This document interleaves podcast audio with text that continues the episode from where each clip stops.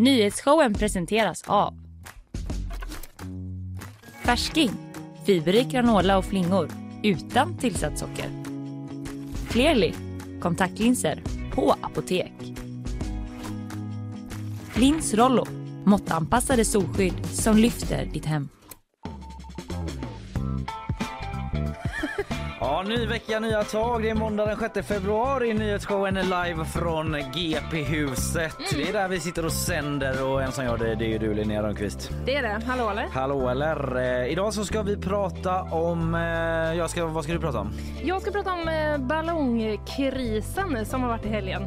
Den stora, stora ballongkrisen. Exakt, och då pratar jag inte om något som hände på Melodifestivalen i Skandinavien utan i eh, USA. Det är inte så Per Andersson som har gjort en burlesk dans. nej, nej det, eller inte vad jag vet. Nej, det har han säkert gjort ändå. Känns som han gör det varje helg. Ja, nej men det är ju eh, den här eh, kinesiska misstänkta då, spionballongen som Just USA har skjutit ner.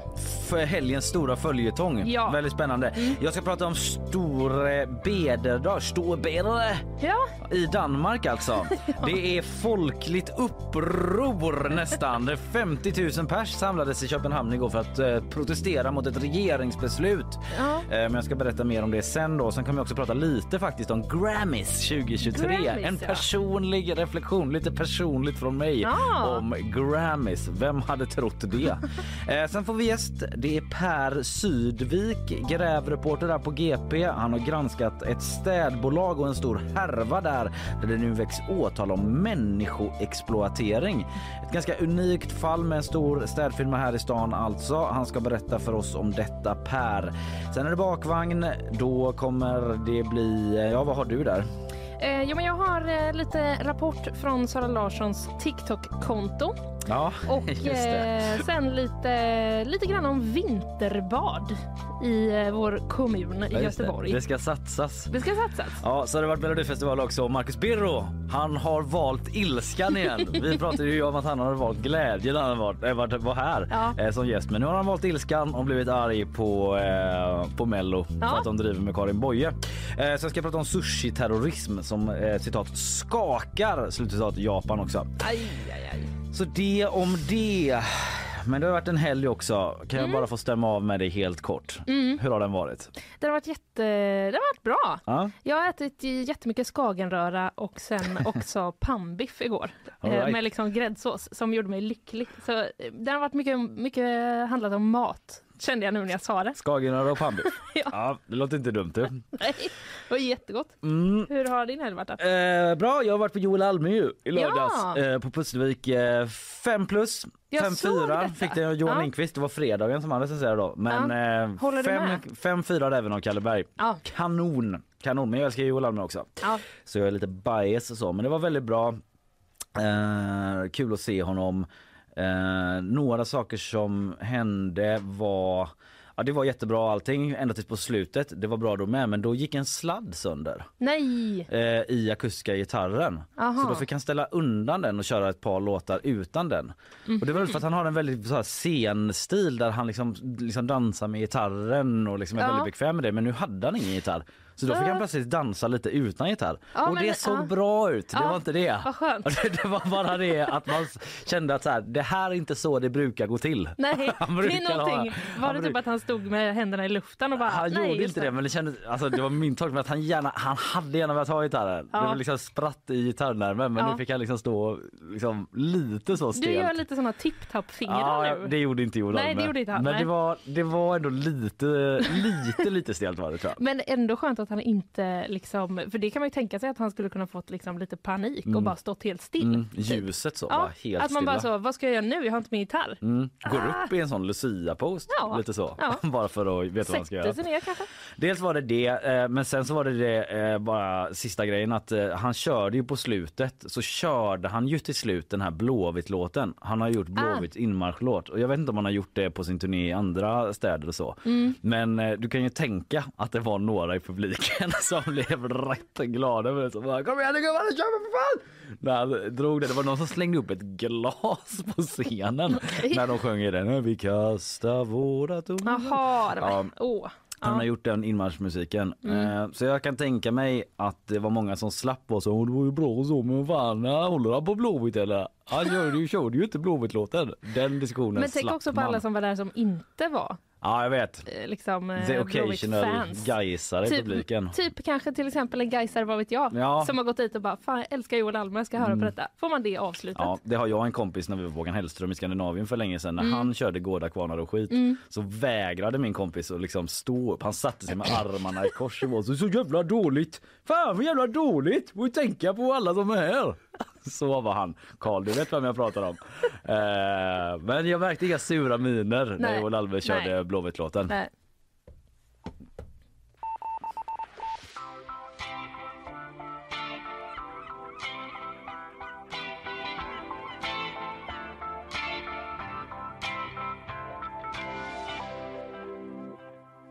Ja, ehm, jag tänkte kort prata om Grammygalan då faktiskt som hölls i natt svensk tid. Förlåt Ja. att jag fnissar men nu gick mina hörlurar sönder. Jaså? ja. Vadå, hör du ingenting? Eller? Jo jag hör, men det är som att eh, den här grejen som reglerar hur stora de är gick sönder så nu har jag dem liksom. Ja, det ser lite roligt ut. det där. Ehm, ja, Mm, får se om de sitter plats på ditt huvud Ja. under hela sändningen. Ja. Men alla vet där ute att det finns en sån laddad pistol i rummet nu, en sån spänningsmoment att hörlurarna är sönder och de hålls fast av bara vild tankekraft. vi tycker att det ser lite pajigt ut eller? Du, man ser det inte alls. Nej Jag hade okej, inte tänkt vad på bra. det om du inte Nej, hade sagt förlåt. någonting. Vad bra. Ja, Grammygalan då i alla fall. Eh, vi har ju en liten chatt som Mm. är där vi diskuterar vad vi ska prata om i programmet, särskilt på söndagar då eh, när vi inte har varit på kontoret på ett tag. Och Mm. bara så här, vi, vem ska prata om det här och du tar det, okej då tar jag det här. Alla fattar ungefär fattar. liksom, vad vi chattar om där. Eh, kanske någon delar en GIF och så. Ja. Eh, men då ställde jag frågan så här, är det någon som bryr sig om Grammygalan på riktigt? Mm. Eh, gör folk det? Alltså den amerikanska Grammys, Mm. är man verkligen intresserad av det? Jag var tveksam som ni hör men när jag ställde frågan. Turns out, jag var intresserad. Ja du var intresserad. Ja det visade sig. Jag trodde inte det. Men i morse så halkade jag in då på internationella medier eh, framförallt amerikanska då för att Ja. vara exakt, eh, som ju skrev om detta eh, tidigt. Eh, och det var en sak då som berörde mig starkt oväntat starkt Ja. från den här galan. Jag kommer till det. Men först bara några nyheter då när jag ändå, när jag ändå Mm, tar upp det. Beyoncé blev historisk som den som vunnit flest, flest Grammys någonsin. Hon var dock försenad till galan men fick till slut ett av priserna i hand av värden Trevor Noah. When you equal a record, there's no way you don't get to hold your Grammy in your hand and celebrate that. And the Queen is officially in the building. Ladies and gentlemen, Beyonce Knowles. Thank you so much. I was shocked to find out that traffic could stop you. I thought you traveled through space and time, but I'm glad you could be with us right now. Charmige Trevor Noah. Hon fastnade i trafiken men han Det i är tid. också sjukt. Ja det är sjukt ja. Fastna i trafiken på väg till en sån grej. Ja, man tror inte att hon ska göra det. Nej. Att hon flyger på något sätt. Lite som Trevor Noah var inne på. Men eh, så var det i alla fall. Det kanske var något annat också. Kanske bråka med Jay-Z, vem vet? Kan ha varit. Eh, eh, men där var det att hon tangerade då. Sen så fick hon ju ett pris till när hon vann eh, för bästa dance och electronic album. Eh, och det var då hon blev eh, historisk då. Att hon inte bara tangerade utan gick eh, förbi. I'd like to thank the queer community for your love and for inventing this genre. God bless you. Thank you so much to the Grammys. Ja, hon tackade the queer community. Hon har ju inspirerats väldigt mycket av det communityt för den här skivan Renaissance då har jag lärt mig. Eh, Hon tackade också sin uncle. Eh, Jag vet inte om det är farbror eller morbror. Det vet man inte i USA när Nej, det är uncle. det är ändå en svåra. källa till frustration. Ja, jag tycker det är knepigt att de har valt att gå den vägen. Men det var i alla fall en, eh, liksom en svart gayman då som var hennes uncle som liksom betytt mycket för henne i den här skapande processen. Och så. så det hyllade hon. Även svenska legendarerna ABBA. Det har jag lånat den formuleringen från Aftonbladet. Det känns Ja, töntigt att säga svenska jättekonstigt. ABBA så man måste kontextualisera ABBA. Känner ni till ABBA? Nej men det är det här svenska legendariska bandet. Eh, de var i alla fall nominerade i fyra kategorier, årets skiva Mhm. bland annat. Men de vann ingenting då. Det blev torsk Det var ju sorgligt ändå på något sätt. på något sätt. Ja. Men också kanske, Rimligt. nu är vi över ABBA, Ja, nu går vi jo, vidare. jo. liksom, nu kan Beyoncé få vinna ett tag. Ja. ABBA vann mycket för. Årets låt då, det var dit jag ville komma när jag började, Mm. där jag blev oväntat berörd. För det vanns oväntat den, det priset då av Bonnie Raitt med låten And just like that. Ändå en artist eh, som man inte har järnkoll på. Nej. Eh, Thank you so much. I'm just totally humbled. I really appreciate it. Thank you. Hon var jättehumbled och Ja. jätteförvånad själv. Hon är en, eh, en, en dam i sina bästa år som är countryartist typ. Ja, ja, men vet man vilka hon eh, liksom ställdes mot? Hon spöade så att säga Ja. Jay-Z, Ken- Kendrick Lamar, Adele och Lizzo. Så det är inget Nej, dussingäng det så. är inte kreti och pleti. Nej, jag vet Nej. inte om det är en grej att de liksom vill eh, få in country där på något sätt för Mm. att täcka alla demographics på något sätt. Men hon var väldigt förvånad och vad jag kunde läsa av Youtube-kommentarerna så var det väldigt många som bara Who is this lady? Mm. De har väl en ganska ung publik där, misstänker jag. Eh, Så, det, eh, så det, det var oväntat. Och jag, hade inte, jag kände inte till den låten så lyssnade jag på vägen hit. Eh, Och jag vet inte om det var för att jag var lite morgontrött och så skör en måndag. Men det var så starkt och jag blev så drabbad. Vi lyssnar bara jättekort. Just like that, your life can change. If I hadn't looked away, Ja, my boy might still be with me now. Eh, det är ju en eh, längre låt än så här. Ja. Men jag kan inte spela hela. Nej, inte så mycket gråt från mitt håll kan jag känna Nej, men du var inte med hela liksom uppbyggnaden Nej, det och det jag inte, här men, liksom, eh, eh, sista refrängen. Det handlar om en kvinna som förlorat sin son och så Ja, kommer det en kille hem till henne. Ja, det är sorgligt. Så Ja. kommer en kille hem till henne. Ja, och så knackar på och hon bara så här, jag brukar inte släppa in främlingar i mitt hem. Jag brukar liksom vara lite eh, reserverad. Men det var Ja. någonting i hans blick som bara, hon bara kom in.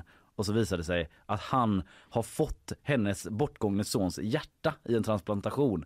Så you give life, du gav liv till honom och även till mig. Och så lägger de sig med örat mot hans bröst och lyssnar på hjärtat och känner Men gud, det här är ju som son... en, det här är som en film intryckt i en låt. Ja, det är det. Jag älskar ju såna låtar. Men du var liksom med på hela den här resan då? Kände du? Ja, när jag lyssnade på Ja, låten ja. ja. ja. jag Mm. gick här längs den utanför posthotellet så. Med Ja. en sån klump Ja. i halsen för att det var så starkt Mm. och vackert. Jag talar alltså om Barney Raitt som vann årets låt på Grammygalan.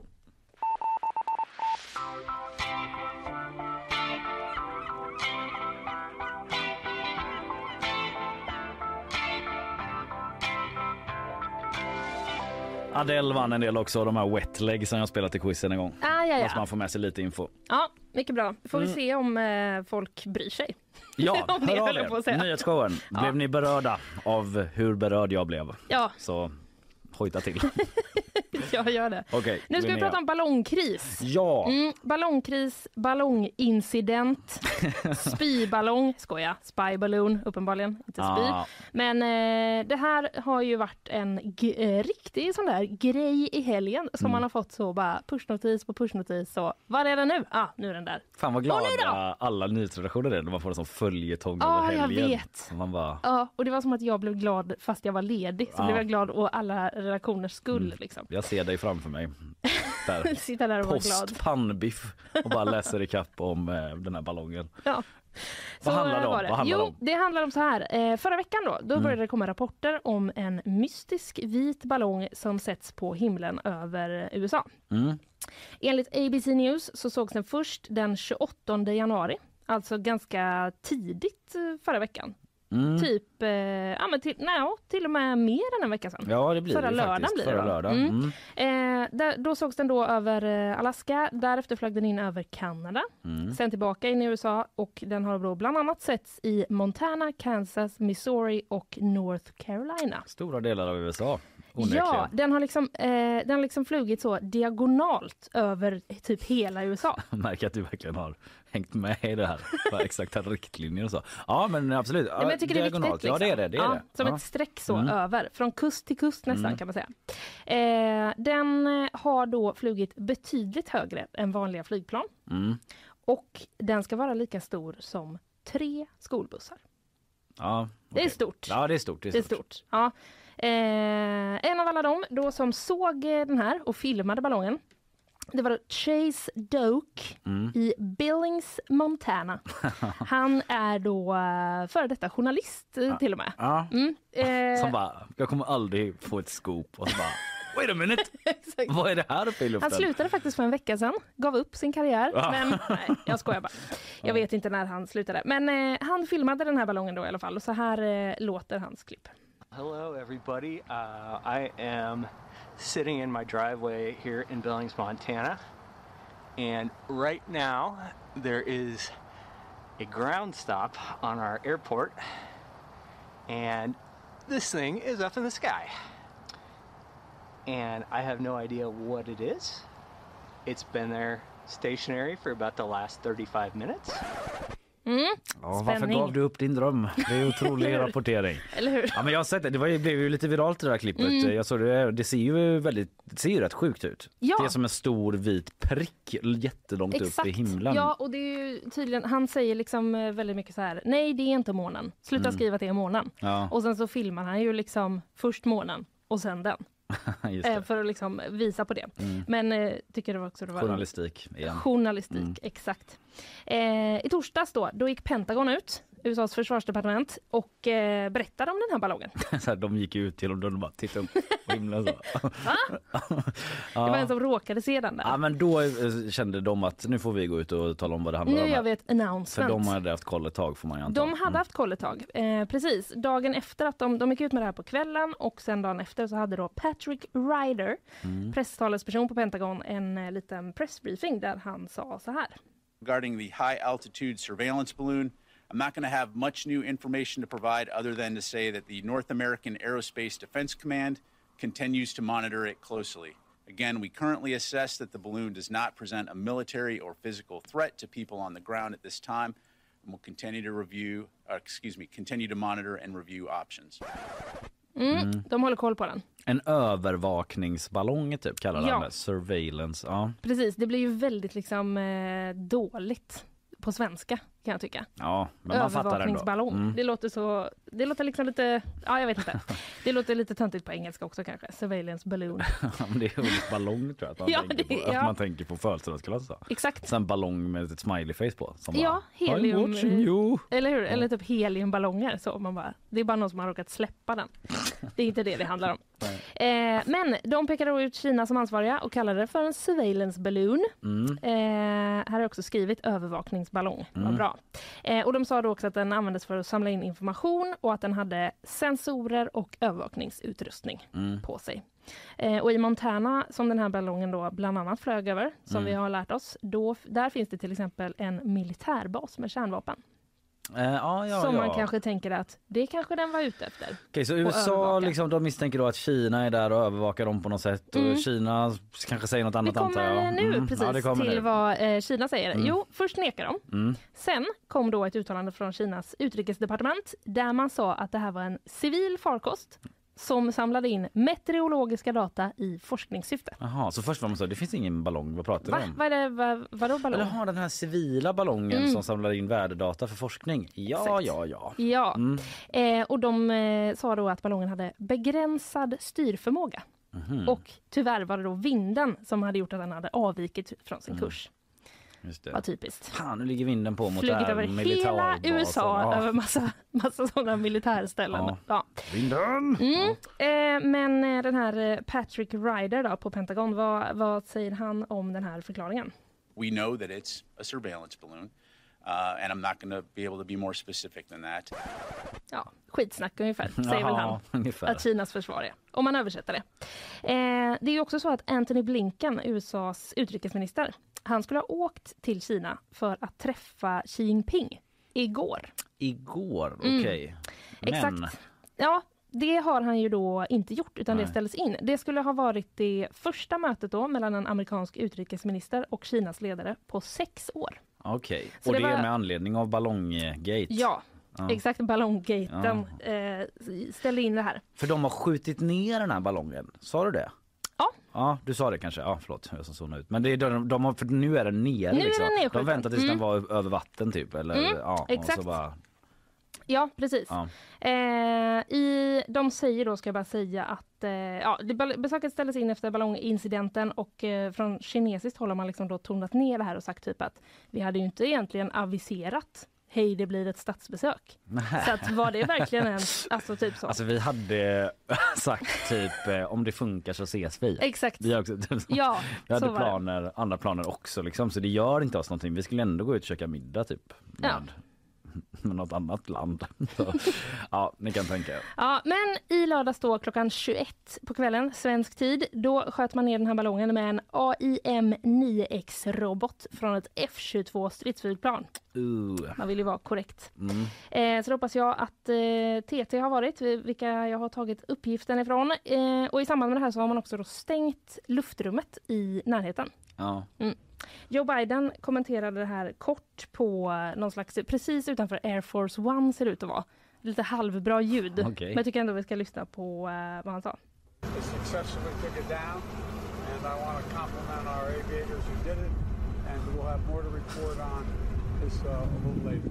Han står i en jetmotor. Ja men han gör typ Ja. det. Is Nästan. this my office? Det är som att bara det är några journalister som har fångat honom liksom, Ja. från Air Force One till bilen. Så att det är verkligen så, väldigt kort bit. Mm. Eh, men eh, det var ungefär det här. Eh, det här var ju nästan allt han sa. Mm. Han sa också då att redan i onsdags så beordrar han Pentagon att skjuta ner ballongen. Redan i onsdags. Redan i onsdags, Mm. men att eh, de då hade avvaktat för att inte riskera att det skulle liksom skada någon när Mm. ballongen så ramlade ner. Just det. Så det var därför. Och när den sköts nu då, då befann den sig över havet, över Atlanten. Inom 19 kilometer från kusten eh, var det då. Mm. Och enligt källor till CNN så ska det vara 14 meter djupt där ballongen föll ner. Okej. Mm. Så de Eh, dyker lite där efter exakt. vrakspillror. Nu är, nu är det ju ändå eh, läge att undersöka Tur den att här det inte blev en sån. övervakningsballongen. Ja, att det inte blev som en sån födelsedagsballong som bara flög hela vägen till Island. Man bara fan! Så jävla oberäkneligt. Ska vi skjuta den här? Jag vet inte, vad, vad kommer den ens? Ja. Och sen Nej. hela Island bara hej! Vad så heliumrösten. Ja. Welcome to Islander. Ah, förlåt Island. Oj, oj, oj. Ja, Oj, oj, oj. Ja. Eh, CNN har också då en video på när ballongen sköts ner. ja de har det. Ja, Så, vi här- vet för fact att det inte blev så. Att den swishade iväg. I alla fall inte i början, för jag har inte sett någon video på att den liksom går från där den är hela vägen ner till Nej, vattenytan. Den stack liksom iväg precis på slutet. Ah, förlåt, fortsätt spela. Ja, kom vi någon sån passadvind Mm. och förde den vidare. Nej men så här eh, låter det då.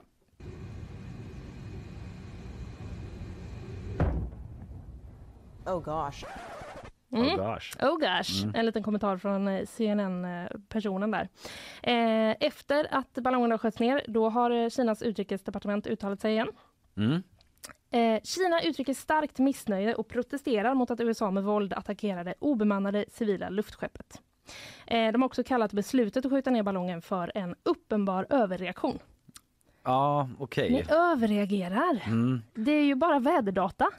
Ja, Ja. ja. Och om det är det så är det ju en överreaktion. Det är det ju i Men så fall, absolut. Vi kommer ihåg att USA menar att det är en övervakningsballong. Precis, Mm. och han nämnde ju där också att, eh, eller han, eh, Patrick Ryder från Mm. Pentagon, han säger ju bara, ja, som vi hörde, att så här, det är en övervakningsballong. Mm. Kan, kan- inte säga mer, kan inte säga mindre, Mm. det är en Det, övervakningsballong. är, det är vad det är liksom. Det var det. Det säger ju de då. Eh, och i eh, lördags då, då kom det besked om ännu en misstänkt ballong. Oj då, Mm. det har jag missat. Mm. Den här gången över Latinamerika. Eh, det kommer då från eh, Pentagon, Patrick Ryder igen, kändis vid det här laget. Ja. Eh, han, Ballongansvarig på. Pentagon. Mm. Åh, Bless his heart. verkligen. Men bra när han ska söka nya jobb. Han Ja. kommer ändå vara känd. Liksom. Mm. Eh, han sa då så här, vi ser rapporter om en ballong som passerar Latinamerika. Vi bedömer nu att det är en ytterligare en kinesisk övervakningsballong. Mm. Ja, men den här ballongen bedömde man inte var på väg mot USA. Så då sket man i det. Man, eh, Mm. ja, det verkar som att man skiter i den. Eh, precis. Från amerikanskt håll i alla fall. Från Mm. amerikanskt Mm. håll, ja. Exakt så är det. Eh, det här är inte heller den första ballongen av det här Nej. slaget, utan liknande händelser ska ha skett de senaste åren. Eh, TT skriver då till exempel att under tiden Donald Trump var president så ska det ha skett åtminstone två gånger. Mhm. Sådana här händelser. Det händer men, då och då alltså? Ja, Mm. men de offentliggjordes aldrig för allmänheten. Men de ligger väldigt, väldigt högt upp de här ballongerna då i vanliga fall. Jättehögt Så att man, det är inte meningen man ska se dem liksom. Eh, Antar jag. Alltså, med, nej, om man har om vi leker med tanken att det är, verkligen är en övervakningsballong Ja, ja. så är det väl rimligt att inte vilja att någon ska Nej, jag Se tänker den. det. De måste vara väldigt högt upp Ja, liksom. men, ja, men de är ju liksom en bra bit ovanför där vanliga flygplan kör. Ja, okej. Men det är ju ändå väldigt många som har sett den här ballongen. Ja men där måste det blivit något fel nästan att den Jag ner, vet tänker jag mig. inte riktigt. Men det är oklart, det är oklart. Ja. Jag läste att eh, man, nå- något i stil med att eh, man trodde liksom att den tekniken med övervakningsballonger skulle liksom eh, bli, för, bli eh, omodern och Mm, försvinna mm. när man fick satelliter Ja. som kunde också övervaka saker. Men att det tydligen var billigare med ballonger då, vilket man kan Jaha. köpa. Så att det var därför man liksom börjat, inte skjuta upp men liksom Skicka upp. skicka upp sådana Ja, igen då från bara. Kina, Kinas håll. Mm. Ja precis. Man höll liksom snöre. Släpper man den så Ja. Ja, men eh, sammanfattningsvis då alltså kinesisk eh, misstänkt övervakningsballong nedskjuten i USA. Eh, Kina säger då att det var en helt vanlig vädermätarballong. Mm. Eh. Möte inställt. Möt, ja precis. Hur påverkar detta relationen mellan USA och Kina? Det är ju ändå en seriös... Eh, för jag har också läst att man liksom var på väg att närmas lite grann. Att det var liksom Mm. lite upptinad stämning på något Ja, sätt. visst. Det var ju ändå ett Eh, möte på gång. Ja, det var ett möte på gång och ju Xi. Jinping hade varit i samband med något G7, G8, vad är det nu igen? Alltså, Både och ja, säkert. Det har varit lite mer så, ja, haft en lite lätt, lediga, lättare ton på något sätt. Mm. Och att man undrar så här, varför gör Kina det här? Mm. Om de nu gör det medvetet. Eh, Vill de att mötet skulle ställas in? Ville de testa USA och Joe Biden? Vad gör de om de ser den här ballongen? Den typen av frågor Ja, hörde jag ja, ja. resas i Ja. olika analyser. Men det är väl oklart. Eller så var det bara en väderballong då som de säger. Där står ju ord mot ord. Exakt. Ja. Det är det.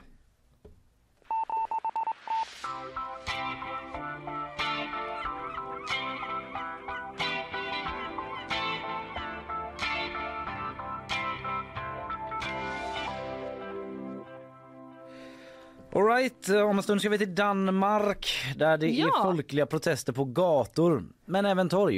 Eh, men innan det lite sponsormeddelanden och sen ett nyhetssvep. Här kommer sponsorer. Nyhetsshowen presenteras av Färsking, fiberrik granola och flingor utan tillsatt socker. Clearly, kontaktlinser på apotek. Lins Rollo, måttanpassade solskydd som lyfter ditt hem.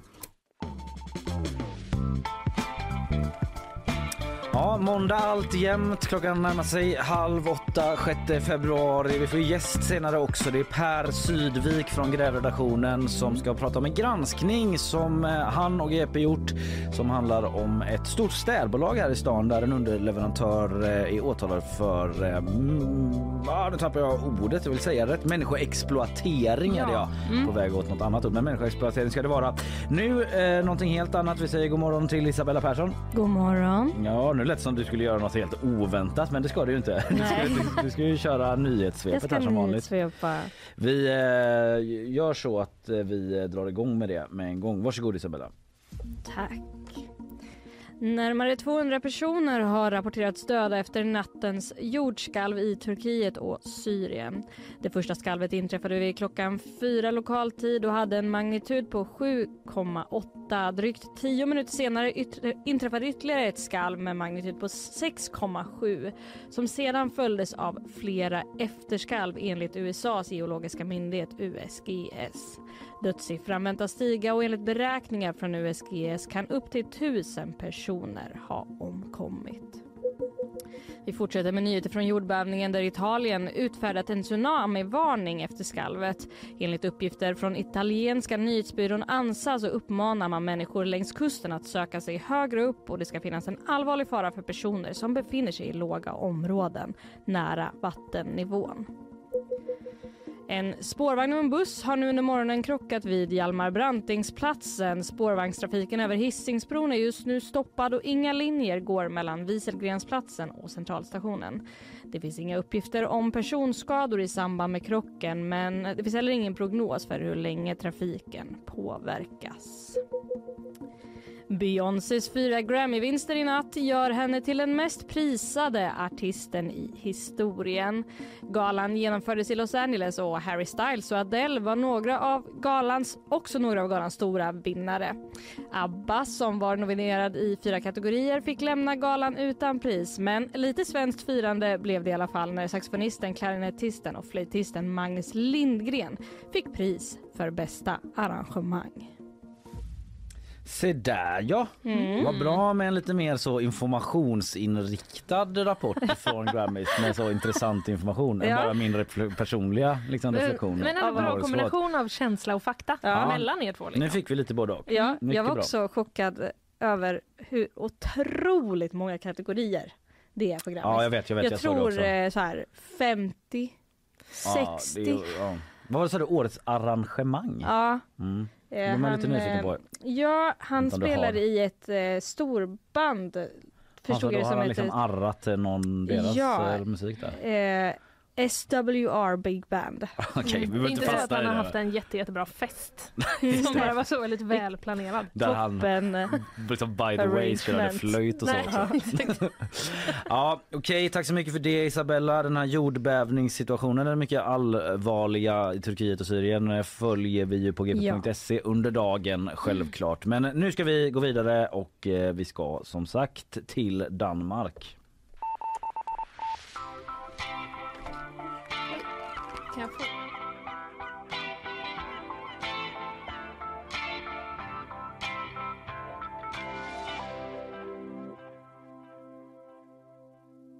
Alright, eh, vi ska då som sagt eh, Linnea till Danmark. Jeg står her på Christiansborg Slotsplads i dag, og der er fuldstændig fyldt med mennesker her. I kan se, folkemængden den går hele vejen ned til Storkespringvandet og helt herover til, hvor vi står.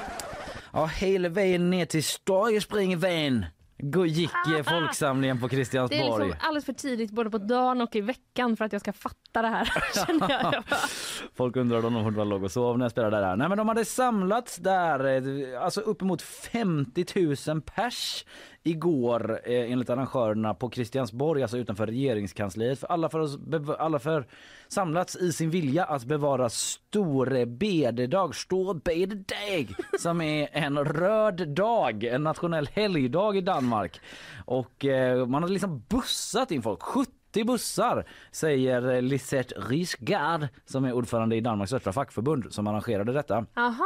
70 bussar från hela Danmark hade man använt sig av för att bussa dit folk som ville vara med och demonstrera. Så jättegäng då Ja, som har upprörts och samlats. 50 000 pers. Ja, Det är ju... eh, hur många skolbussar är det? Nej, men det vet jag inte, men det är väl ungefär fem, skan- fem fyllda Skandinavien. typ. Ja, något i den stilen. Eh, ett Ullevi med Ja. Håkan knappt. Ja. Ja, i alla fall då. Eh, och eh, det var som sagt för att bevara Store bededagen. Så här säger en dansk man. Min fritid det er det dyreste, jeg har.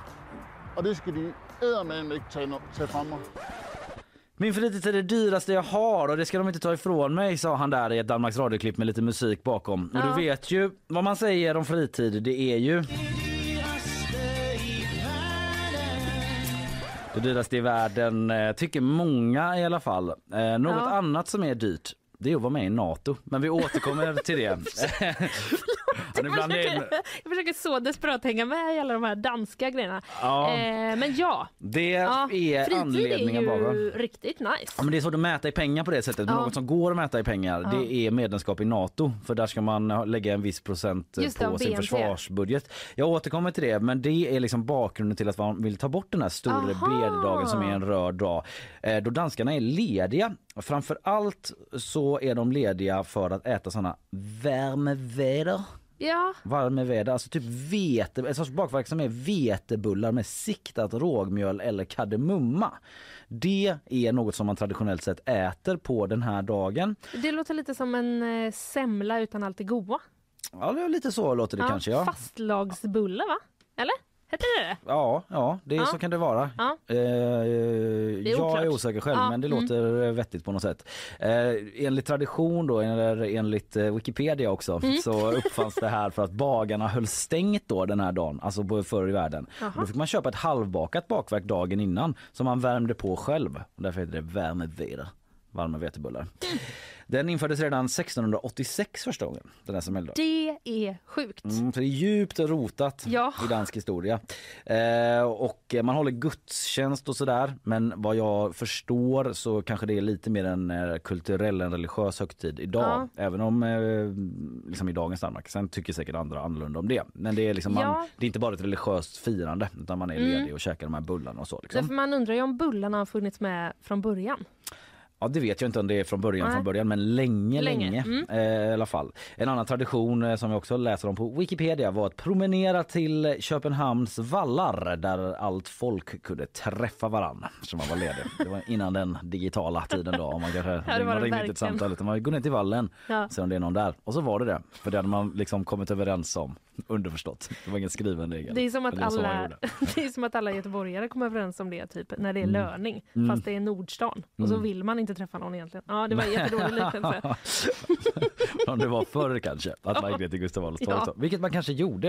Eh, sen dess har det i alla fall oftast diskutera, eh, ofta diskuterats om man ska avskaffa den i olika sammanhang. Så här, för den har Mhm. varit med så länge. Mm. Eh, men nu har det gått längre än diskussionen då. För nu vill alltså den danska regeringen bestående av Socialdemokratiet, Vänstre och Moderaterna avskaffa den. De har ju den här lite udda koalition eller ovana samarbetspartnerna som Mm. i koalitionsregering där i Danmark. Och så här låter det när Danmarks Radio ska förklara det här i en så kallad splainer. Lærerne er imod det. Vi er da træt af det.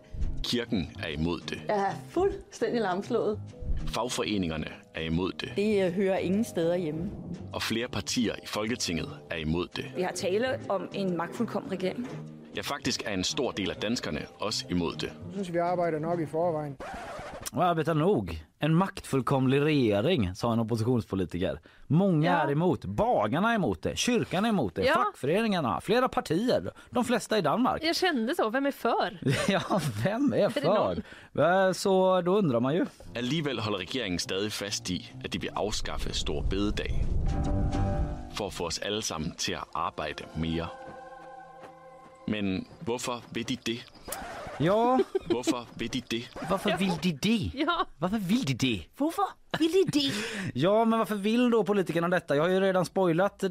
Det är ju för att... Eh, för de vill, de. Det handlar om NATO Ja. och försvarsbudgeten. Det är inte att Mette Fredriksen är allergisk mot vetemjöl.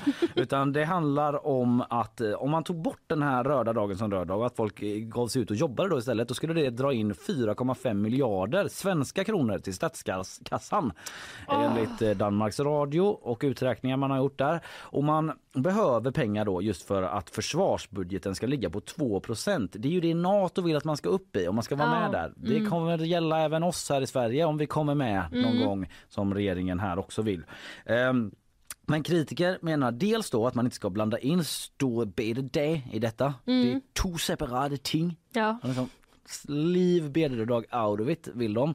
Eh, eh, och eh, det andra är då att eh, man lyfter att den ekonomiska vinsten av det här också kan bli kortvarig. Att visst, första året, alltså i år kommer det ske, men Mm. 2024 skulle det vara borta då. Då kanske man drar in mycket pengar. Men sen kommer det tunnas ut menar kritiker eftersom milja- miljarderna slutar trilla in eftersom att folk typ kommer ta ledigt ändå. Mhm. Allt fler i Danmark jobbar 80 procent. Det Ah. finns en osäkerhet i Ja. om man kommer inbringa den här typen av pengar i form av Okej. skattemedel när folk jobbar en extra dag Ja. och man producerar mer varor och sådär. Liksom. Det finns pengar att hämta. För att det, ja, för det låter ju ganska, eh, alltså det är ju ganska mycket pengar. Vad var det, 4,5 miljard? Kronor, svenska ja. ja. Svenska Mm. kronor, det är ju ändå ganska mycket pengar. Mm. Och typ att, eh, ja, men som att det är en ganska enkel grej då att göra. Men också, eh, det är ju kanske inte ett sätt att bli populär. Nej, det är det inte. Eh, jag gör det här med öppna ögon. Jag tror vi måste vara lite mer ärliga i dansk politik, sä- säger Mette Fredriksen. Jag tycker inte det är problematiskt att vi ska arbeta en extra dag, säger alltså socialdemokraten, statsministern Mette Fredriksen. Så, eh, så hon, eh, ja, men hon är rak i Mm. detta. Hon tycker inte det är några konstiga grejer. Man Hon måste alla jobbar göra säkert ändå redan. Ja visst, Röda dagar. som hon jobbar. Ja. Men man kan ju tänka sig i Sverige om de bara helt plötsligt skulle ta bort, nu tog man ju bort eh, pingst, eh, annandag pingst eller vad det Mm. var för ett tag sedan, men ersatte det med nationaldagen. Eh, men tänk om man inte skulle ersätta den. Ja. Hade folk tagit det med ro? Nu är det inte så jättestarkt att man liksom äter någon särskild bulle där vid pingst Nej. men, men Det hade väl varit mer om det om man hade varit ledig på typ semmeldagen. ja, just det. Och så ryktar då, man den. Ja, Mm. då hade det nog blivit... Eh, Ja men då hade säkert eh, någon reagerat i alla fall. Eh, men de eh, är en majoritet då den här koalitionsregeringen och eh, kommer att rösta igenom detta. Det har de sagt. Mette Fredriksson var så här, låt det inte vara någon oklarhet. Nej. Detta ska bli av. Ja. Men vi får se då om de eh, ja, möjligen kommer på andra tankar efter den här stora protestsamlingen då som, Ja. som var. Vilket datum är den här dagen? Oh, hoppades att du inte skulle fråga det, Oj, men det är förlåt. någon gång i maj är jag, är jag ganska säker på. Ah, okej. Jag kommer inte ihåg det exakt, det var en sån fjärde söndagen i någonting. Ah, okej. Jag tror det var i maj. Men då kanske det blir eh, den eh, typ eh, mest firade sån här dagen någonsin. Ja jävlar vad bullar de ska sälja och ja, käka där. Och vad lediga de ska vara. Ja, det var ju, det var ju alltså det var så artister, någon rappare som var där på torget och bara så här, står bättre det. Väldigt bra Jag vill arrangemang. Kanske hon rappade, vem vet. Det är ju trots allt så med fritid att det är ju som man brukar säga. Du, vi går vidare va? Ja.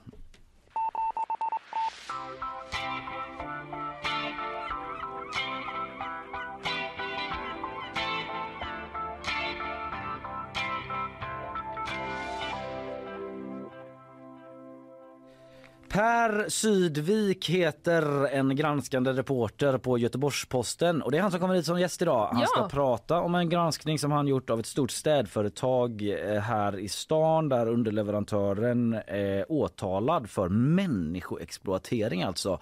Och eh, det stora städbolaget också riskerar att gå i konkurs. En eh, intressant historia detta som Per ska berätta mer om men innan det så tar vi sponsormeddelanden. Nyhetsshowen presenteras av Färsking, fiberrik granola och flingor utan tillsatt socker. Clearly, kontaktlinser på apotek. Lins Rollo, måttanpassade solskydd som lyfter ditt hem.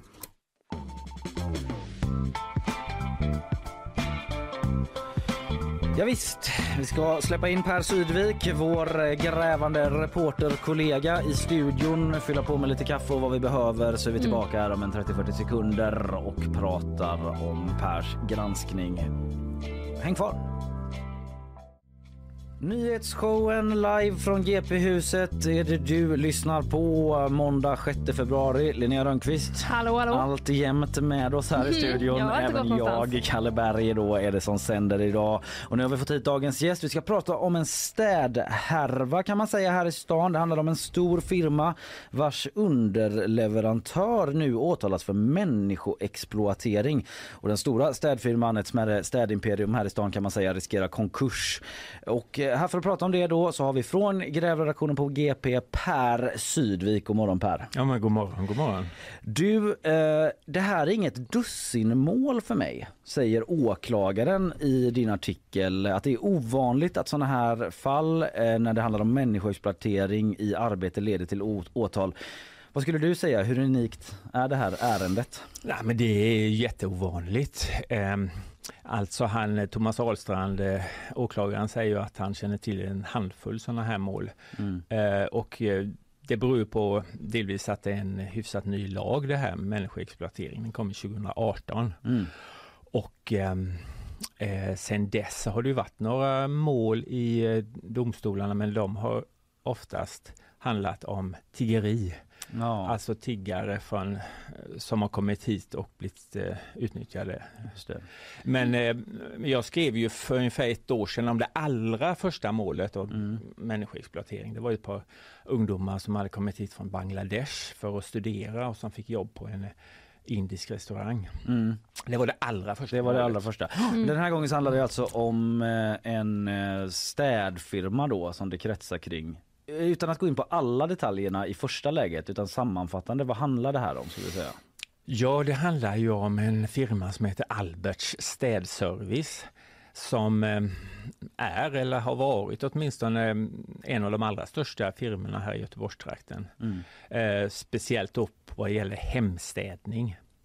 Men de har också haft mycket företagsstädningar. De har städat gym, den stora städ, eh, kedjan eh, eh, 24, vad heter den? Eh, Fitness 24-7 som nu har sagt upp eh, eh, avtalet med Alberts. Men de, deras anläggningar städade Alberts. Den stora firman och- handlar det om. Ja, och vad kan man, man kan säga liksom deras specialitet har varit att inte ha en enda städare anställd. Utan de har anlitat, som de kallar det, underleverantörer. eh, som levererat städarna då. Och sen eh, kunde jag visa att underleverantörerna som var svenska företag, de hade ingen personal anställd heller. Utan de hyrde in personalen från Polen, från kanske ett tiotal företag i Polen som i sin tur hade fått personalen från rekryteringsfirmor i Ukraina. Och vilken komplicerad kedja då. Ja, det får man väl säga. Och sen kan man ju säga då att eh, eh, Alberts har ju då utåt mot eh, hem, alltså mot eh, privatpersoner som Mm, har haft städning verkligen gett sken av att det har varit deras anställda. Vår personal som kommer till ditt hem och städar Mm. har gått alla kurser och, är, och har schyssta villkor och sådär. Mm. Och det där var liksom uppenbart ljug. De hade säga. någon folder där Ja. de Ja. eh, liksom pratar om schyssta villkor och en feel good service som de Precis. pratar om. Jag har ju den här, nu ska jag inte sitta och fippla med en massa papper kanske men, men vi ser den där. Vi ser den här ja, Ja. precis. Alltid nöjd kundgaranti. Eh, våra ansvarsförsäkringar eh, täcker naturligtvis också eventuella skador på person och egendom i ert hem som vår personal orsakar. Och Mm. Det är en annan bild där. Våra anställda har fått rätt utbildning och information innan de utför uppdrag i ditt hem. Alltså men de hade inga anställda. Nej. Nej. För de, sk- de skriver ju också det här att, eh, att städarna hade schyssta villkor. Ja. Men hur såg villkoren för dem ut egentligen? Ja, alltså man kan, det varierar lite. Jag har trovärdiga uppgifter på att det var 55 kronor i timmen för en del. Men Mm. det tycks som att eh, liksom, standardlönen var 70 kronor i timmen. Och då ska man också ha med sig att det var timlönen för den tiden som städarna var hemma hos folk eller ute på gymmet. De fick inte någon betalning för restid vilket då eh, städare som, som har eh, svenska villkor har. Mm.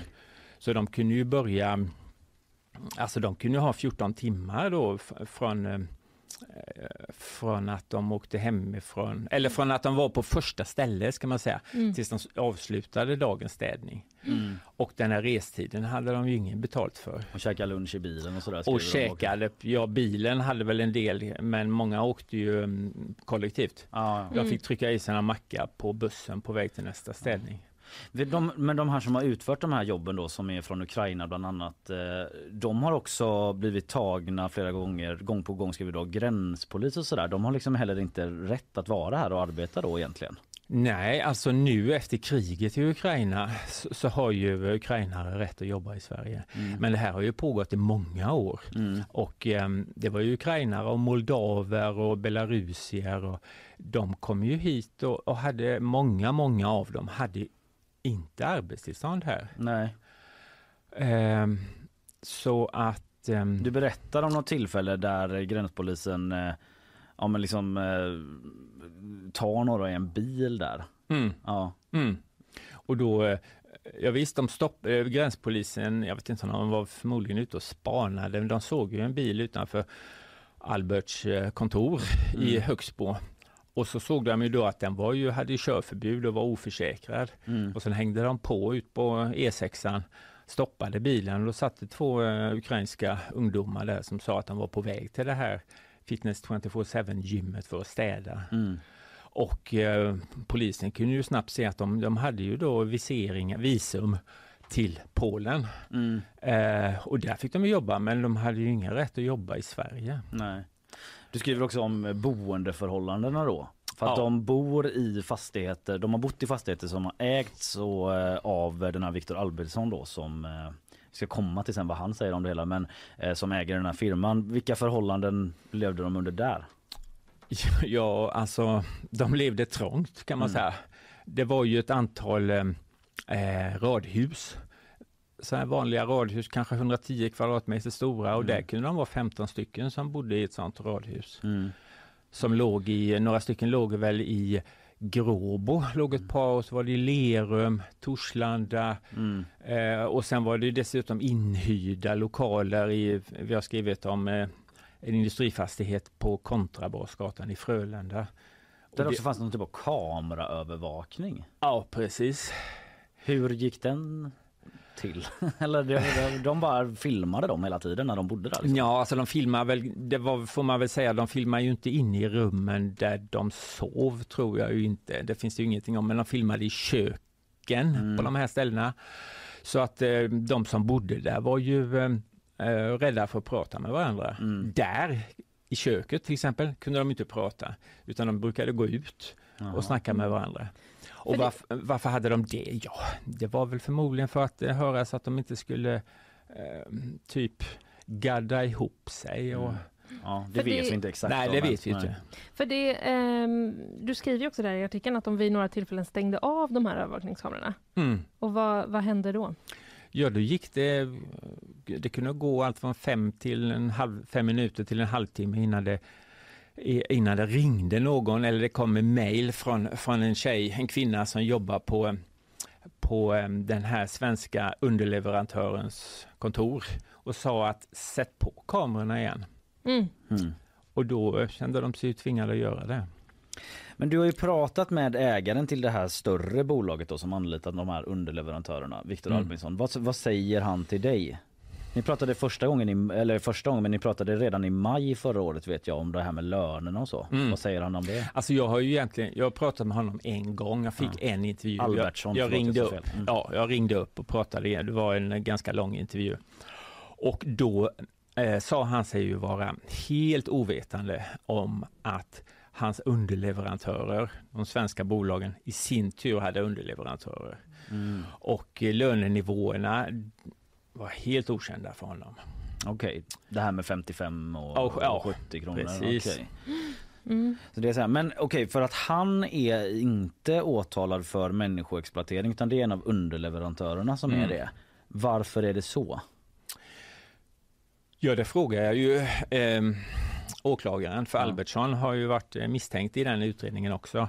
Men åklagaren säger att eh, eh, alltså Bj- Alberts städservice betalade så pass mycket till den här stora underleverantören att det skulle ha kunnat varit utrymme för hyfsade löner. Mm. Och ehm, det finns ingenting som, ja alltså de kan inte visa att, eh, att ehm, eh, toppfiguren, alltså Albert Städservice, haft eh, uppsåt att eh, exploatera. Vilket då man, åklagaren anser att han kan visa att eh, underleverantören kan eftersom det är ju den här underleverantören som har haft direktkontakt med Mm. städarna.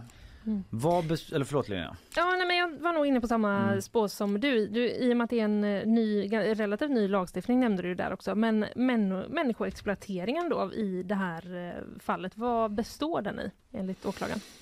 Ja, det finns ju ett antal sådana här eh, eh, kriterier som ska vara uppfyllda då att det ska vara, man ska ha blivit vilseledd och man ska ha varit i en beroendeställning till exempel. Mm. Och sen så ska man ha varit eh, eh, man ska ha arbetat under uppenbart orimliga villkor. Mm.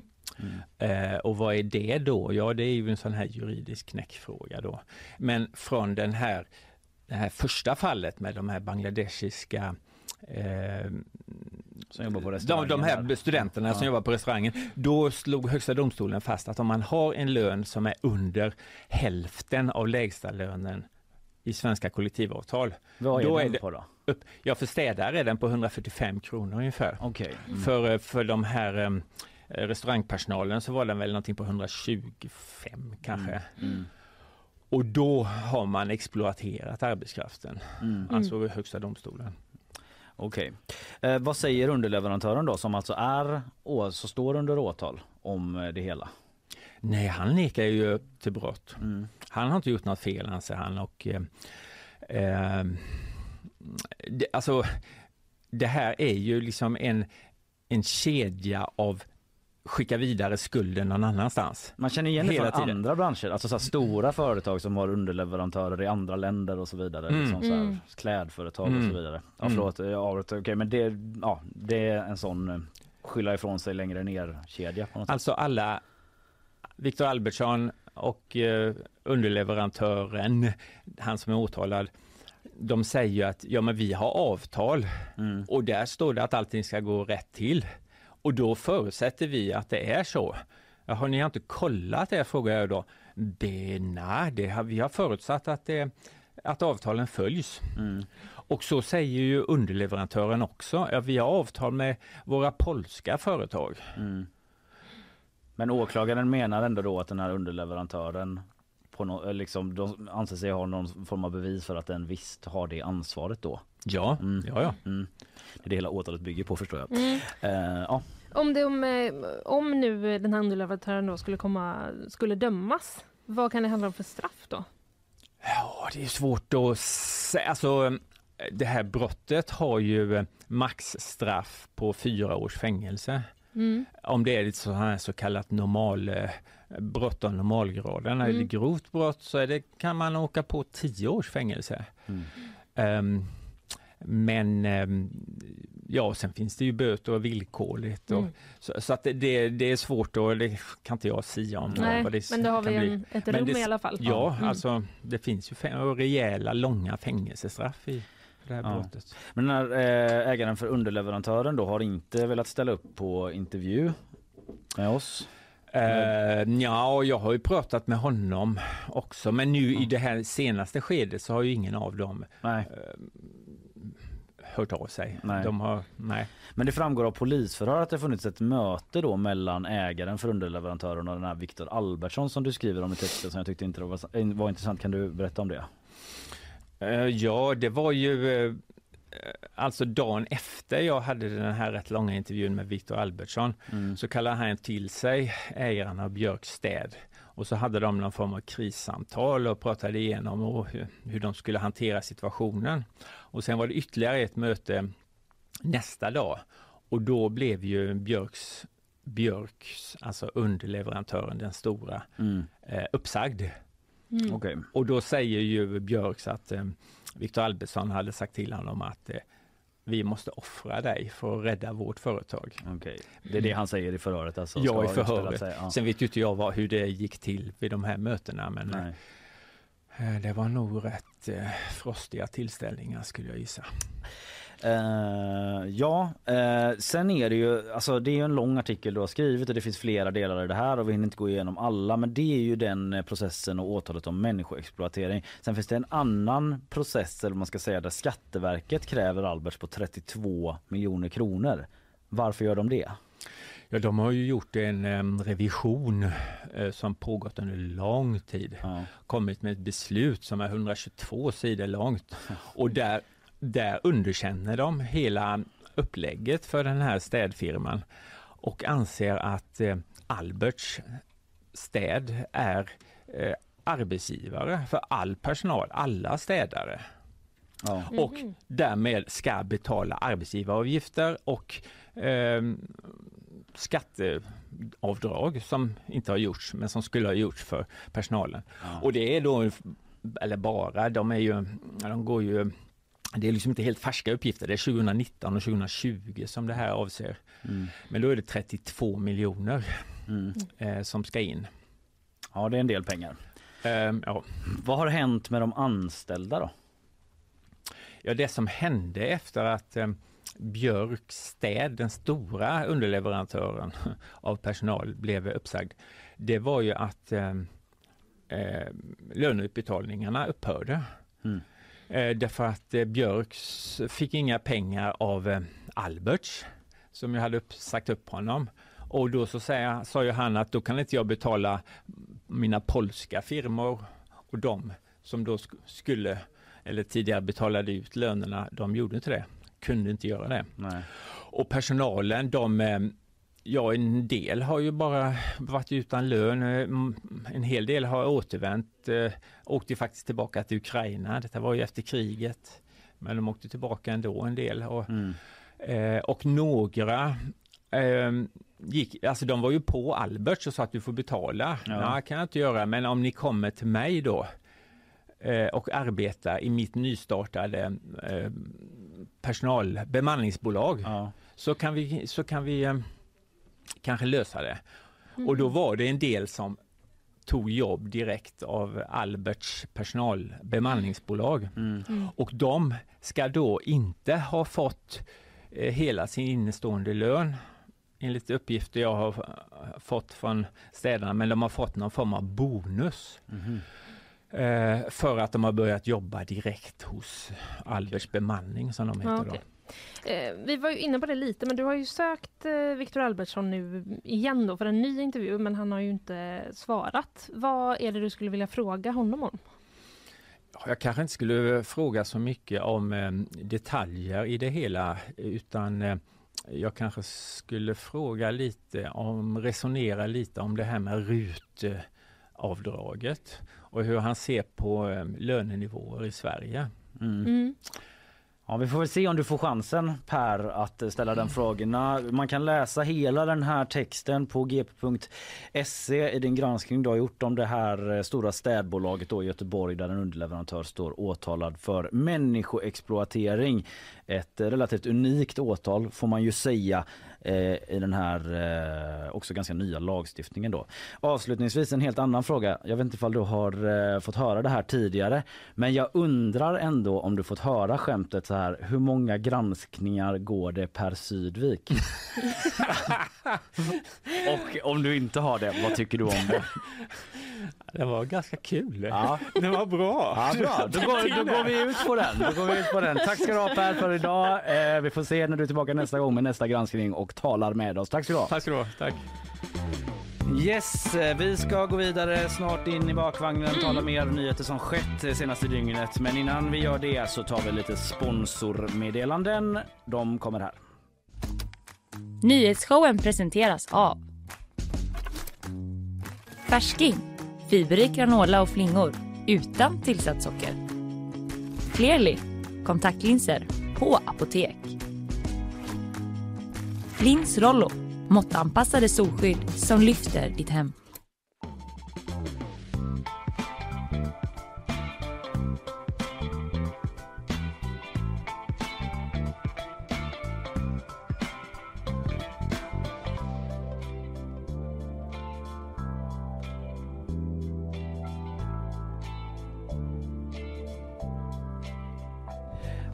Per lämnar studion här nu. Han hade ju så mycket mer han ville berätta om. Ja. Eh, Vi har ju eh, inte alltid i världen, men jag rekommenderar verkligen att läsa texten. Det finns fler eh, uppgifter i den här härvan som är väldigt intressanta. Exakt, Eh. och även texterna från eh, i våras när det här avslöjades då. Precis, han har varit på det här länge Per. Mm. Eh, Så vi tackar honom för det och eh, säger då välkommen eh, till eh, välkommen tillbaka till Isabella Persson. Tack så mycket.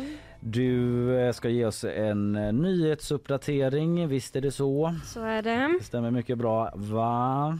det var min eh, Nooshi Dadgostar. Ja. Ja, behöver inte ta den för mig, men eh, det behöver du för jag kommer sitta här och lyssna. Du, eh, varsågod Isabella. Tack. Dödssiffran fortsätter att stiga i Turkiet och Syrien. Närmare 360 personer rapporteras nu ha omkommit efter de omfattande jordskalven i natt. Stora mängder byggnader har kollapsat och Turkiet har också begärt akut hjälp från EU. På Twitter skriver Sveriges utrikesminister Tobias Billström att man som ordförandeland i EU-rådet nu ska sträcka ut en hand och koordinera EU EUs insatser för att hjälpa till. Dödssiffran väntas stiga och enligt beräkningar från USAs geologiska myndighet kan upp till tusen personer ha omkommit. En spårvagn och en buss har nu under morgonen krockat vid Hjalmar Brantingsplatsen. Spårvagnstrafiken över Hisingsbron är just nu stoppad och inga linjer går mellan Wieselgrensplatsen och Centralstationen. Det finns inga uppgifter om personskador i samband med krocken och det finns heller ingen prognos för hur länge trafiken påverkas. Igår kväll utbröt ett bråk vid ett särskilt boende i Stenungsund som ledde till att en ung kille fick föras till sjukhus med knivskador. De två inblandade tonårskillarna ska ha lämnat boendet för en enligt dem så kallad uppgörelse. Och när de återvände ska då den ena haft kraftiga skador på armarna. Den andra killen som är över 15 år kunde gripas och har nu anhållits misstänkt för mordförsök. Ja, kaos där ute på hissingen i trafiken. Eh, Mm. Visst var det någon flash igår med något trafikljus som stod och inte funkade riktigt som det skulle också? Folk körde mot rött. Ja, Ja. ovetandes mot rött. Det var någon kall där med Ja. lyset. Det är ju mystiskt. Jag vet inte om det är så himla mystiskt. Nej, inte men- mystiskt. det är någonting i alla fall. Stökigt har det varit i helgen vid ett trafikljus och nu var det stökigt igen här med en krock. Ja. Du ska ha tack Isabella. Tack så mycket för idag.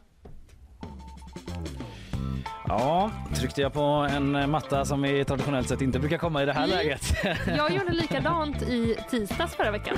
Jag vet inte om lyssnarna tänker så mycket på det men man själv blir ju lite, lite ställd Ja, så att säga. Mm. Men du, vi ska eh, inte orda om det mer nu utan vi ska orda om fler nyheter Ja. som har varit det senaste. Vill Ja. du ta vid eller? Jag vill ta vid. Mm. Jag vill börja och eh, berätta att eh, nu ska det satsas på vinterbad. Inte mig personligen. Eh, Nej. jag ska göra en satsning på Nej, vinterbad nej, för det nej. tycker jag verkar sådär. Men Ja, eh, Göteborg, verkligen. Göteborgs stad ska satsa på vinterbad. Jaha ja. Är det något som, eh, liksom, vad är din åsikt? Vinterbad? Uh, do we need it? Nej men jag skulle aldrig. I would never. jag kände det när jag, samtidigt som jag frågade kände jag så, nej. Nej, Nej. det är inte riktigt min stil kanske. Nej. Men alltså hade jag haft tillgång till en bastu, du vet här, säg att jag hade bott i ett hus i skärgården med Mm. egen bastu och Mm. brygga, så bara, ja varför inte? Men det är inte så att jag tänker typ sätta mig på elvan och kriga ut till Saltholmen och sen hoppa i och göra en jävla åkarbrasa efteråt. Nej. Eh, och linda in mig i en handduk eller två. Nej, jag, Nej, jag känner samma. Mm. Men absolut, hade jag haft liksom eh, det där privata och allt var förberett och det var enkelt så Mm. kanske. Mm. Eh, nu är det i alla fall så här. Röd matta så. Röd matta, Det ska ja. liksom vara förspänt. Serveringspersonal, någon som har liksom stått och lagt handdukar i torktumlaren. Ja, och så någon Och som kommer fram och ska krama dig så bakifrån sen så. Så, så värmer upp dig med kroppsvärme. Ja. Du vet en sån mysig så, mm, lägger armarna om. Som på ett foto för ett spa ungefär, en reklambild. Så som jag tänker mig att alla miljonärer har det. Ja, så är det. Då kanske du lär känna den personen också. Så det Ja, det kanske att det är en del när Nej. man anlitar den typen av företag som Nej. erbjuder den tjänsten. Att man också kanske träffas några gånger. Mm, Vinterbadskramen Mm, exakt. AB. Eh, bra namn. Ja, Okej. sådär. Eh, Okej, men det är i alla fall fyra badplatser i Göteborg som då ska, som har pekats ut. som misstänkta för brott. Typ. Ja. Visst gör det. Det Fyra är badplatser. polisiärt avklarat vilka Ja. badplatser det är. Fyra badplatser i Göteborg pekas pekas ut. ut. Då känner man ju att det efteråt kommer komma typ för att det är mycket skit som händer där. Men Ja. de pekas ut som bra för vinterbad. Och då är det inte nere i älven vi snackar med Nej. sediment av asbest och cyanid. Nej, utan alla de här fyra badplatserna ligger eh, åt eh, samma håll. Ja, de ligger ju i havet va? ja. Så det är väl ganska rimligt kan man tycka. ja, det kan man tycka. Men kanske att man skulle ha vinterbad i en sjö någon gång. Bara en tanke som dök upp. Det är eh, i alla fall Lilleby, Smitska udden, Ganlet och Fiskebäck. Mm. Och där ska man nu då eh, ja, men liksom rusta upp lite för att göra dem ännu bättre för vinterbad. Vad innebär det då? Det innebär eh, till exempel det ska finnas säkerhets och livräddningsutrustning. Mm. Och eh, sen så säger Susanne Görlöv så här, hon är samordnare för badplatser på Stadsmiljöförvaltningen. Det ska finnas handledare, bra stegar och trappor. Det är, i, det är i princip det hela. Handledare? Ja.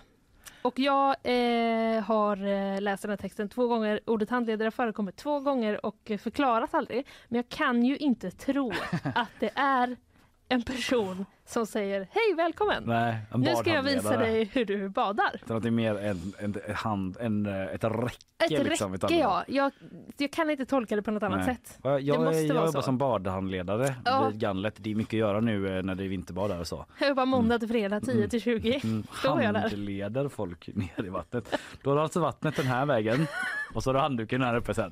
Och så hojta till om du har några frågor så. Jag handleder hela dagen här. Hej och välkommen. Vad kul att du vill vinterbada.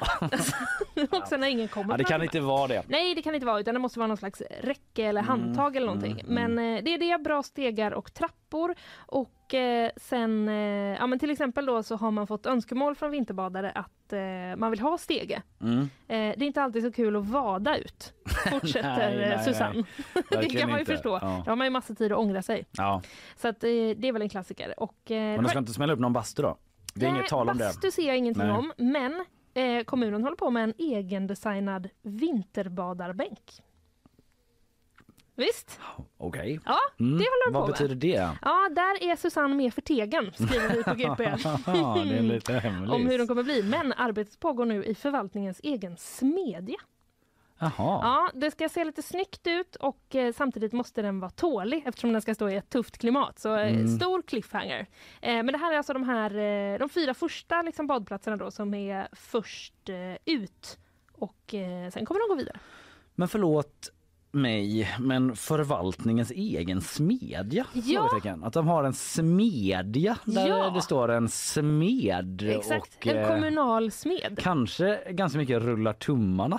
Nej, Eller? Nej, men inte inte. nu då när han ska liksom smeda till en sån särskild vinterbadarbänk. jag vet inte, de kanske liksom gör typ massa, måste sån, typ så här när man reparerar räcken. Det är De kanske sant. har, är billigare att ha en egen Ja, smed. jag hör. Det, Det kanske är, här, eh, det kan ju vara någon typ av kontrakt man har också med en smed som även sysslar med andra saker. Det kan det ju vara. Visst att man måste customisa olika grejer till bänkar och sådär. Jag fattar. Mm. Det kanske är, det är fullt rimligt kanske att man har en smed. Jag bara tyckte det stack ut lite grann. Ja men det gör det. Ja. Det är inte som att man tänker sig att man ska vara inne på Göteborgs stads hemsida och bara här är våran smed. Nej precis. Ah, nu vill man, du vet, som ett nyfiket litet barn Ja. på julen vill man kika in genom smedjans fönster så. Vad gör de? Hur Eller ska den hur? se ut den här Var vinterbadarbänken? ligger den? Vinterbadarbänken i Ganlet. Den som är helt fri från skuld kan kasta den första stenen. Nu ställs de relevanta frågorna i Ja. studion. Om den är gjord av järn kommer man frysa fast då med eh, Väldigt eh, bra. Jag tror att... sittande eh, delar Ja, men jag tror att, kroppen. att eh, Susanne, som jag citerade här tidigare, att eh, ja... Nej, hon, har inte, hon sa att man kanske också vill ha någonstans eh, att ha sin handduk och sina kläder. Men det kan, är väl bra att de, eh, vi får väl hoppas att de informerar tydligt Ja, om de, att det inte... de har säkert tänkt på det. Ja, det jag tror de inte att de eh, sätter ut en sån om man liksom stålpinne som är en frys liksom som man bara liksom mellangår den bara Nej, eller att de skriver en skylt som är så slicka här. Nej, det skulle de inte göra. De har nej. vårt bästa i tankarna. Det tror jag nog om Göteborgsstaden då. Mm. Sen kanske inte alltid blir rätt men eh, skitsamma, vi går vidare. Eh, det har varit Melodifestival här i stan i helgen, i lördags. Eh, I eh, Skandinavium så samlades man och trallade på bitar och eh, vidare gick ju eh, Tone Sekelius, Mm. Rhythm of my show och Jon Henrik Fjällgren eh, till final. Det var väl lite som Jan Andersson tippade när han var här. Ja. Tror jag. Han var inne på Ja. Jon Henrik ändå. Då. Eh, men eh, det var inte bara sång och dans och glädje eh, utan en som blev eh, förbannad det är Marcus Birro. Marcus Birros ilska mot Melodifestivalen upprörd av efter diktskämtet Ge fan i Karin Boye. Mm. Det var nämligen så att han tog till Twitter då, Marcus Birro som vi, han var ju gäst för inte så länge sedan. Vi pratade om att han hade valt glädjen då, var Mm. våran tolkning av det hela. Och han hade med delvis om det, att han liksom inte ville vara inne och liksom bli, att det var så jobbigt att bli förbannad eller så. Mm. Men nu är han tillbaka på ilskans väg Ja. eh, med eh, Karin Men vissa grejer eh, måste man ju alltid eh, Ja. reagera på. Karin Någonstans Boye- går ju gränsen. Någonstans går gränsen även för Marcus, även för liksom dagens soliga Marcus Ja. Birro. Och eh, nu gick den. gick den vid Karin Boye. Han är ju själv poet. Karin Boye har betytt väldigt mycket för honom. Och eh, det, vi kan lyssna då vad som skedde för att eh, jag ska förklara lite innan jag sätter på ljudet. Men det var att man hade gjort någon sorts variant då på Visst gör det ont när knoppar brister. Där skämtet som påades av Farah Badi och Jesper Rönndahl. Jag har bara läst mig till detta för jag såg, jag har bara sett själva skämtet då men att, eh, att eh, eftersom Karin Boye är en Göteborgs poet och så skulle den läsas upp i någon sorts skämtsam version av en så tvättäkta göteborgare Mm. som så göteborgade till den och då var det Ann Westin komikern som dök upp och läste så här. Ja visst gör det sketont när knoppjävlar brister. Varför skulle annars vårhelvetet tveka? Jävla knoppjävlar. Fan. Och på den vägen var det. Mm. You kanske had to be there. Jag vet inte. men eh, vi ska inte värdera humorn i det kanske. Men det är, väl också, eh, det är väl också som alltid att så, de är i Göteborg, då ska vi göra något göteborgigt. Det är väl Men det. det görs ju inte för Göteborg. Nej, det görs väl för resten av Sverige som Ja. tycker det är roligt med Göteborg. Men man måste slå brett i Melodifestivalen. Ja, så ja, är det ju. ja. Det är liksom alla ska med. Från Ja. Trelleborg till eh, Haparanda och så Mm. vidare. Så, så är det väl med det. Men det är väl att man själv som göteborgare kanske tycker det är lite så buskis. Att, Ja men det är det jag eh, menar, mm. att man liksom vet inte riktigt hur man ska reagera för det är så. bara, ja. Who would do that? ja, det är i alla fall. Eh, många tyckte, många skrattade i publiken, eh, men många blev också förbannade att man tyckte att det var liksom att man gör våld på den här då väldigt vackra dikten Mm. och som har betytt väldigt många. Eh, Marcus Birro säger liksom att den här dikten, där liksom Karin Boye har räddat liv med sin poesi. Mm. Han, han tar det på stort allvar Mm. eh, och eh, tycker att det här är någonting man inte ska ämna sig åt. Han skäms över att vara göteborgare, twittrar han. Oj Det då. behöver han inte göra. Nej, Det är väl inte Göteborgs fel? nej. Eller så. Nej. Hallå. Eh, det säger han i alla fall. Ge fan i Karin Boye, sinnessjukt. Hon har räddat liv. Sen säger han också så här.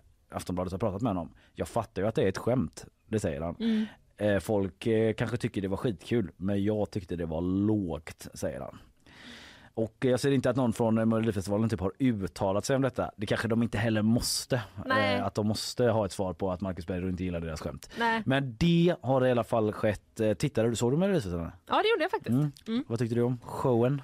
Eh, Märktes Göteborg av på något mer sätt? Eller alltså, var det det jag här? såg den väldigt mycket bakom min mobilskärm där jag hade Instagram. Ja, ja, ja. Så att jag var inte helt eh, med. Nej. Men eh, förlåt, vad var frågan? Nej, vad du tyckte? Var det mycket sådana Göteborgs eh, skämt? Ja, men det liksom? var väl några stycken, Ja. typ. Och det är ju så här, eh, liksom, eh, ja. De, som sagt, de är inte till för oss. Nej. Typ. Så att, eh, ja. Det är nog så man får se det. Ja. Nyktert analyserat som vanligt Linnea. Hello, I'm Bill Gates, chairman of Microsoft. In this video, you're going to see the future. Windows. Ännu mer Melodifestivalen blir det nu. Ja. Mm, jag hakar på dig direkt där. Eh, Thomas Gesson, känner Mm. du till? Ja, Eh, väldigt eh, vanligt förekommande låtskrivare Ja, i Melodifestivalen. det är till det jag vet. Det är det jag vet om honom. Eh, långt hår Ja, ja. kan man säga om Mm. någon känner igen honom på liksom, utseendet. Eh, eh, under, eh, under Melodifestivalens liksom, eftersnackssändning Mm. då kunde man se i bakgrunden hur han blev bortledd av säkerhetsvakter. Ja. Och eh, Linda Bensing som då ledde det här eftersnacket, hon var lite så "Hå! var det, det var Gesson! Mm. Och så liksom, eh, stod hon där med Farah Abadi då och Jesper Rönndahl som var programledare bägge två. Mm. Och, eh, och så liksom eh, var de lite så, oj, nej men vad Ja, händer det nu? blev någon rubrik Oj, så. Här ja. förs Gesson bort Exakt, av vakter. precis, det blev det. Och sen... Eller om det var på tweets, jag minns inte riktigt. Ja, nej men det var nog kanske också någon, Ja. eh, någon rubrik. Mm. Men eh, Aftonbladet läser jag på nu då som eh, säger att eh, de kan avslöja att kanalen lurade tittarna. Allt var Ja. iscensatt. För att eh, efteråt så vägrade då eh, Melodifestivalbossen som Aftonbladet skriver, Anders Wistbacka, att svara på frågor. Och de var också framme vid Thomas Gesson efter det här och sa så, vad var det som hände där? Mm. Typ. Och så var han lite så, eh, det kan jag inte kommentera. Mm. Lite smörk Lite smörk ja. ja. Och sen typ sa han i förbifarten när, när reportern frågade så här. Ja men eh, var det liksom dramatiskt eller gick det Mm. bra? Så här. Han bara. Nej det kanske var något revben som bröts. Ja, Man okej. bara ja okej. Ja. Det hade du nog uppenbarligen märkt eh, i så fall. Ja. Men eh, det är i alla fall eh, helt enkelt en, eh, ja lite av ett lur. En planterad story. Exakt, en planterad story för att eh, det kommer eh, då, det var också någon som sa så här, jag tror att det var Anders Wistbacka Mm. som sa så här, eh, ni kommer förstå längre fram. Mm. Där det känner man att man bara ah, himla med ögonen. Att de liksom Exakt. planterat, det ska vara en följetong. Typ, vad hände med Gesson? Ja. Ska de ha massa humorskit på det och sånt? Ja, Det och väl- då, då kan jag känna lite så här, då, då är det bättre att han bara hade sagt ingen kommentar. Ja, För då hade vi svävat i ovisshet. ja kanske. Var ja. det en grej eller var det inte en grej? Typ. Nu är det ändå så här, man bara, jaha, okej. Ja, ja, på ett sätt fair enough. Det är ju ett underhållningsprogram och de vill skapa längre bågar och det är vad det är. Och vi pratade om det innan också, typ så här, ska vi rapportera om det här när vi vet att det var, en- det var ingen riktig Nej. nyhet. Men det bara blir någonting, det säger ju någonting av eh, om hur de jobbar med Melodifestivalen. Och typ så här, som att de inte hade tillräckligt med uppmärksamhet Ja, och tillräckligt med typ airtime så ska de skapa sådana fake-nyheter Mm. tänkte jag först. Men sen känner jag så här bara, ja det är kanske inte att de vill skapa en fake-nyhet utan det är bara att de vill liksom plantera en längre dramaturgisk båge under hela den Ja. här processen. Vad ska hända med Gesson antar jag. Exakt, ja, det tror jag också. Mm. Men det kan ju också vara så att eh, vi, du och jag och vi här på redaktionen Mm. liksom, i, i, blir lite sådär, "Ah, ska vi verkligen rapportera om det? Mm. För att man typ känner sig lite lurad. Ja, det, Det, kan, ju, ju. det kan ju vara det.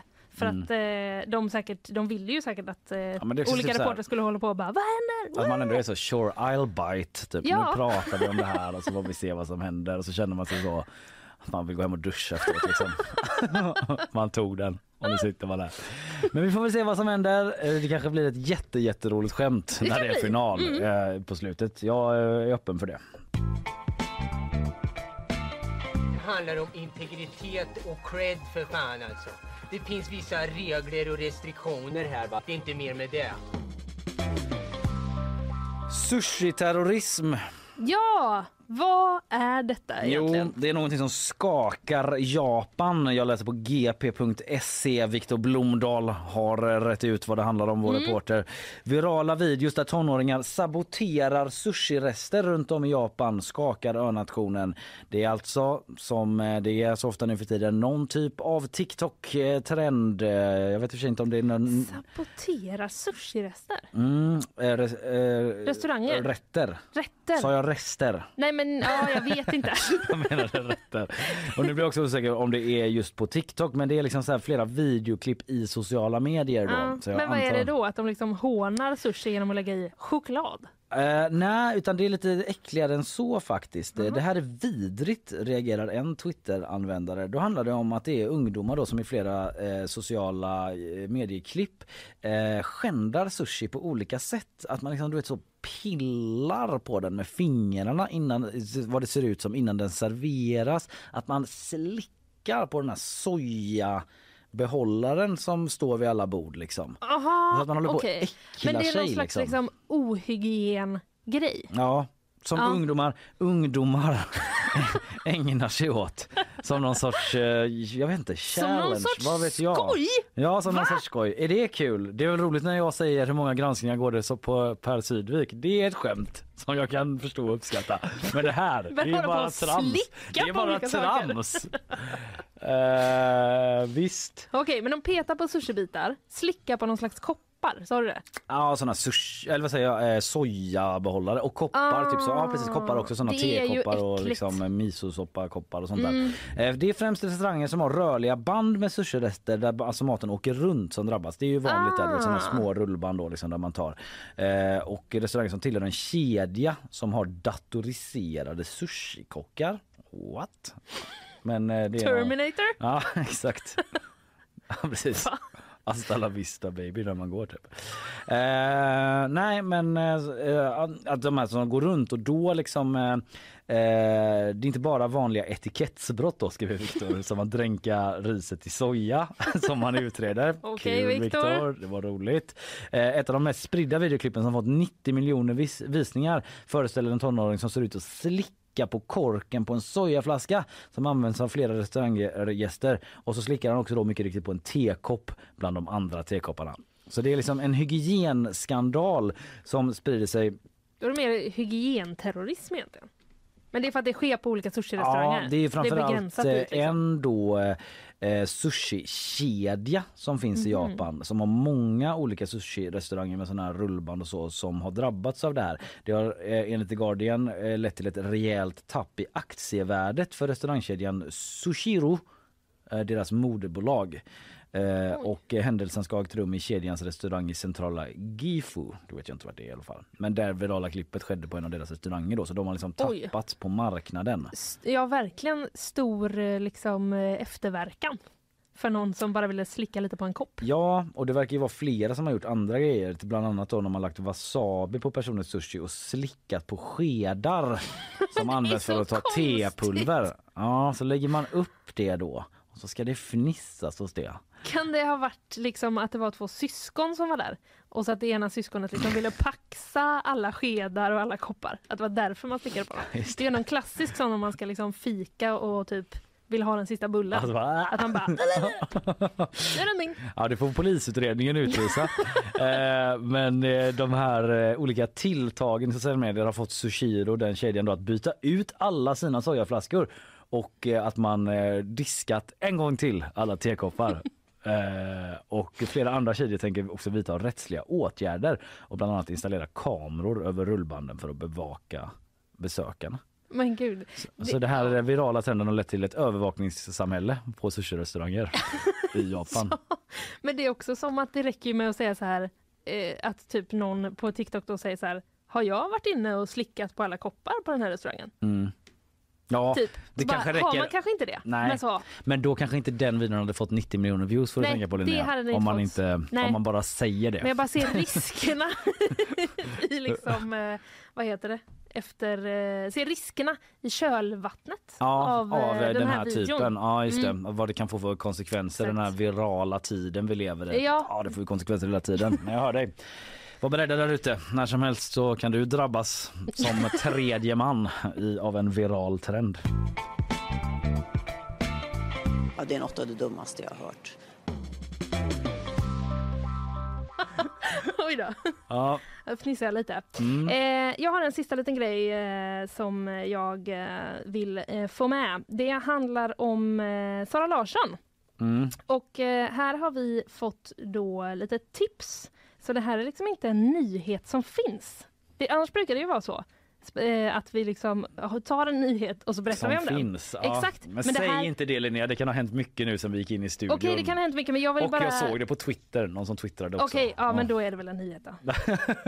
Fast det är en sån artikel de skrivit. Nej, det är vår, det är vår, eh, förlåt, vad skulle du säga? Nej men det var mer att jag tänkte så här, åh, här får jag chans att skriva en rubrik. Ja, det ja, har jag inte men gjort på längre. Det stämmer dit ju. jag Nej, komma. jag har inte sett någon artikel om det. Du har rätt i sak. Ja, men eh, skitsamma. Det är i alla fall eh, på TikTok då så Ja. har eh, Sara Larsson gått ut och pratat om eh, en fråga som eh, engagerar henne.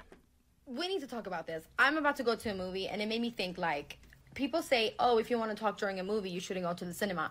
Uh, lies. If you don't want to hear people talking during a movie, you shouldn't go to the cinema because like Ja, det är inte att jag har klippt slarvigt i slutet. Nej. Utan det är att hon är because like You know, och sen kommer det inget eh, mer där. typ att man borde prata. Har hon gått, eh, har hon blivit eh, gått till Ruben Östlunds bioteater? Det tänkte jag också på. Om hon liksom kanske blivit eh, inspirerad av det eller någonting. Ja. Men eh, hennes teori är då alltså vi ska sitta här och snacka Ja. på bion. Hon säger också lite senare if you wanna sit in silence like a fucking stone Mm. just go home. Typiskt stenar. Typiskt stenar, Men kolla också typiskt den traditionella biobesökaren. ja, ja. Am I right? Ja, jag Att skulle säga tyst. det. Ja. Vad är din eh, traditionella åsikt? Tycker du att man ska Nej, jag blir ju vansinnig såklart. Ja, det blir det. Nej men vansinnig men det är klart att man inte ska hålla på och prata på bio. Nej. Jag hade blivit galen om Sara Larsson satt där och bara, var, jag såg klippet att hon så här, att, att man skulle sitta och analysera filmen tillsammans ja. medan man tittar. Ja. Bara, ja, jag tror också att det var en symbol för förlorad kärlek men nu missade jag Sara den här scenen för att du hade en sån basic teori i stunden. typ, vi tittar, funderar lite, sen kan vi diskutera det med lite, det har varit lite tid för reflektion. Ja. Eller hon kanske är så svinbra på film och kan göra den typen av så intressanta reflektioner simultant medan filmen pågår. ja, och att då kanske hennes kompisar är väldigt bra på att lyssna på två saker samtidigt Ja. och tänka samtidigt. Ja, men även om det är en superintressant reflektion, Ja. då får den ju vara väldigt, väldigt kort. Väldigt kort ja. För Mm. att jag är ju ändå där för att jag vill se filmen och liksom inte missa så jävla mycket. Mm. Men, eh, Nej, det är ju ja, inte den främsta anledningen till att man går på bio, att man men- vill missa filmen. Nej det är det ju inte. Så kan man inte säga. Jag känner att det finns eh, liksom eventuellt ett generationsglapp här. Eller så är, står det här bara för Sara Larsson. Men att det är Men liksom ja, en ny liksom... Kanske, men för mig så handlar det också mycket om typ, eh, är man på bio eller är man hemma? Ja. Alltså jag blir ju vansinnig ifall jag kollar på film med någon liksom i, en, i en, ett hemmaläge Mm. och den personen är så bara, sluta prata med mig. Mm. Alltså, Då där tycker du dig jag, ha rätten. Där tycker jag att jag har rätten att prata lite. Sen ska jag inte prata jättemycket. Nej, Men jag en måste ändå liten- kunna kommentera vissa saker. Ja, ja, men jag håller med. Eh, det tycker jag, det, där tycker jag så här, inom hemmets, i hemmets trygga vrå, Ja. där ska man få prata.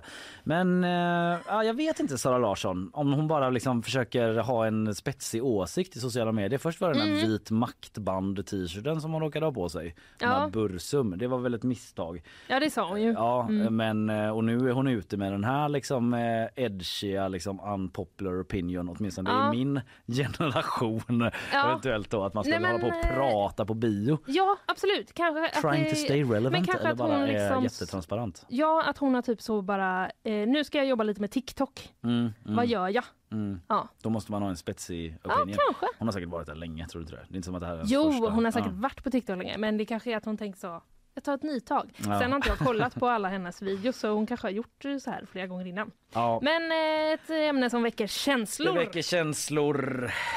Det gör det verkligen. Du, eh, nu är det dags att eh, runda av det här programmet faktiskt. Ja. Och då brukar vi alltid sammanfatta lite av det vi har pratat om. Du har ju gått igenom helgens stora följetong va? Ja, den kinesiska ballongen över USA som eh, åkte genom flera delstater och sen sköts ner över Atlanten. Spionballong eller Mm. väderballong? Där Ja. går meningarna isär. De. Men eh, lite av en internationell eh, kris i form av ett inställt eh, toppmöte i alla fall. Exakt. Har det ju lett till. Mm. Eh, jag har pratat om varför 50 000 människor har samlats eh, på eh, Christiansborg i Köpenhamn för att demonstrera mot regeringen. Jag har också pratat faktiskt lite om Grammisgalan och hur berörd jag blev där av årets Just låt. det.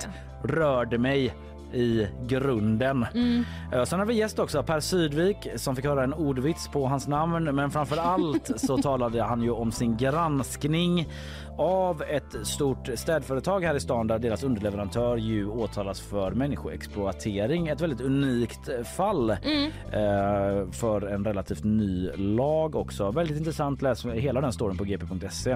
Eh, En sak måste jag säga. Ja. Nu tittar jag ut, ut ur studion här. Det är alltså ljust Det är- och det är sol. till och med genom våra tonade rutor så ser Ja. man att det är en underbar dag. Hör ni det där ute? Mm. Det kommer fan en vår. Ja. Sjukaste. Ja, det är sjukt. Hörni, vi hörs imorgon. Ja, det gör vi. Hej. Hej.